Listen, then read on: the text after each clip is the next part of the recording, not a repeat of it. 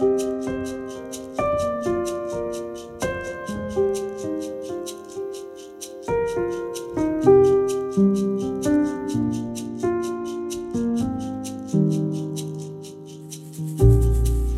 er i en nasjonal krisesituasjon.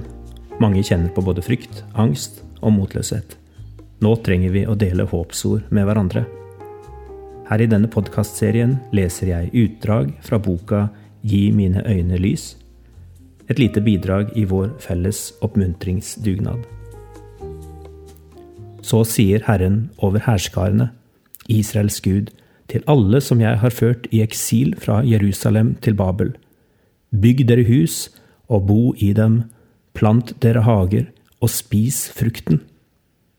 Jeremia 29, vers 4-5. Kan brevet fra gamle Jeremia til de bortførte i Babylon handle om tidløse strategier for å overleve eksiltider og depresjon? Det tror jeg. Å bygge og plante er noe vi gjør fordi livet har en fortsettelse. Og om dette livet skulle ta slutt for oss, så bygger og planter vi for noen som kommer etter oss. Vi setter ikke livet på vent til alt er som det en gang var. Jeg tror også det handler om livets mening. Dette er et tema som den berømte østerrikske psykiateren Viktor Frankel var uhyre opptatt av.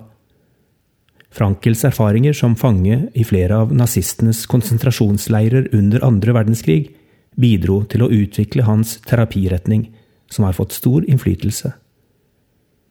I de fryktelige arbeidsdagene i fangenskap øvde Viktor Frankel seg på å snu om på det typiske spørsmålet Hva er meningen med livet? I stedet spurte han seg selv og sine medfanger Hva venter livet av oss i dag?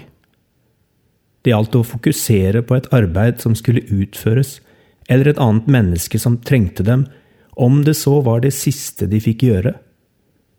Han mente å ha observert at de som klarte å feste blikket på noe utenfor seg selv, se en større mening, de hadde større sjanse for å overleve. Livet har en hensikt med oss, hver dag, hver time, mens vi lever, mente Frankel. For Frankel lå det en høyere mening i troen på Gud. Dypest sett rettes spørsmålet mot ham. Hva venter Gud av meg i dag? Et liv uten spenninger er ikke noe ideal å strekke seg mot, om det overhodet skulle ha vært mulig å oppnå.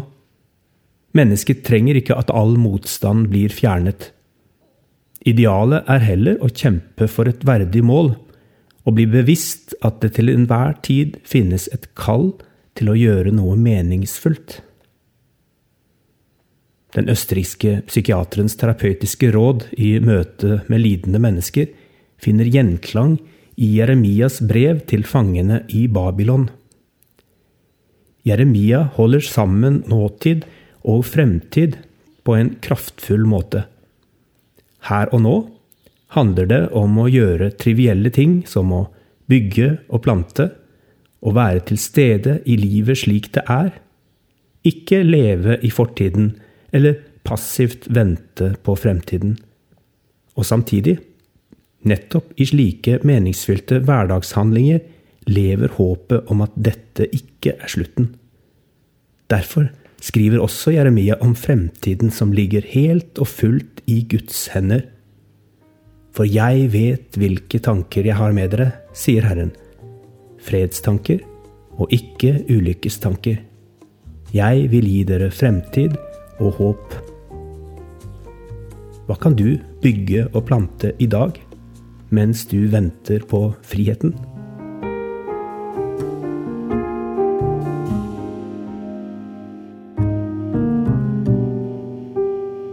thank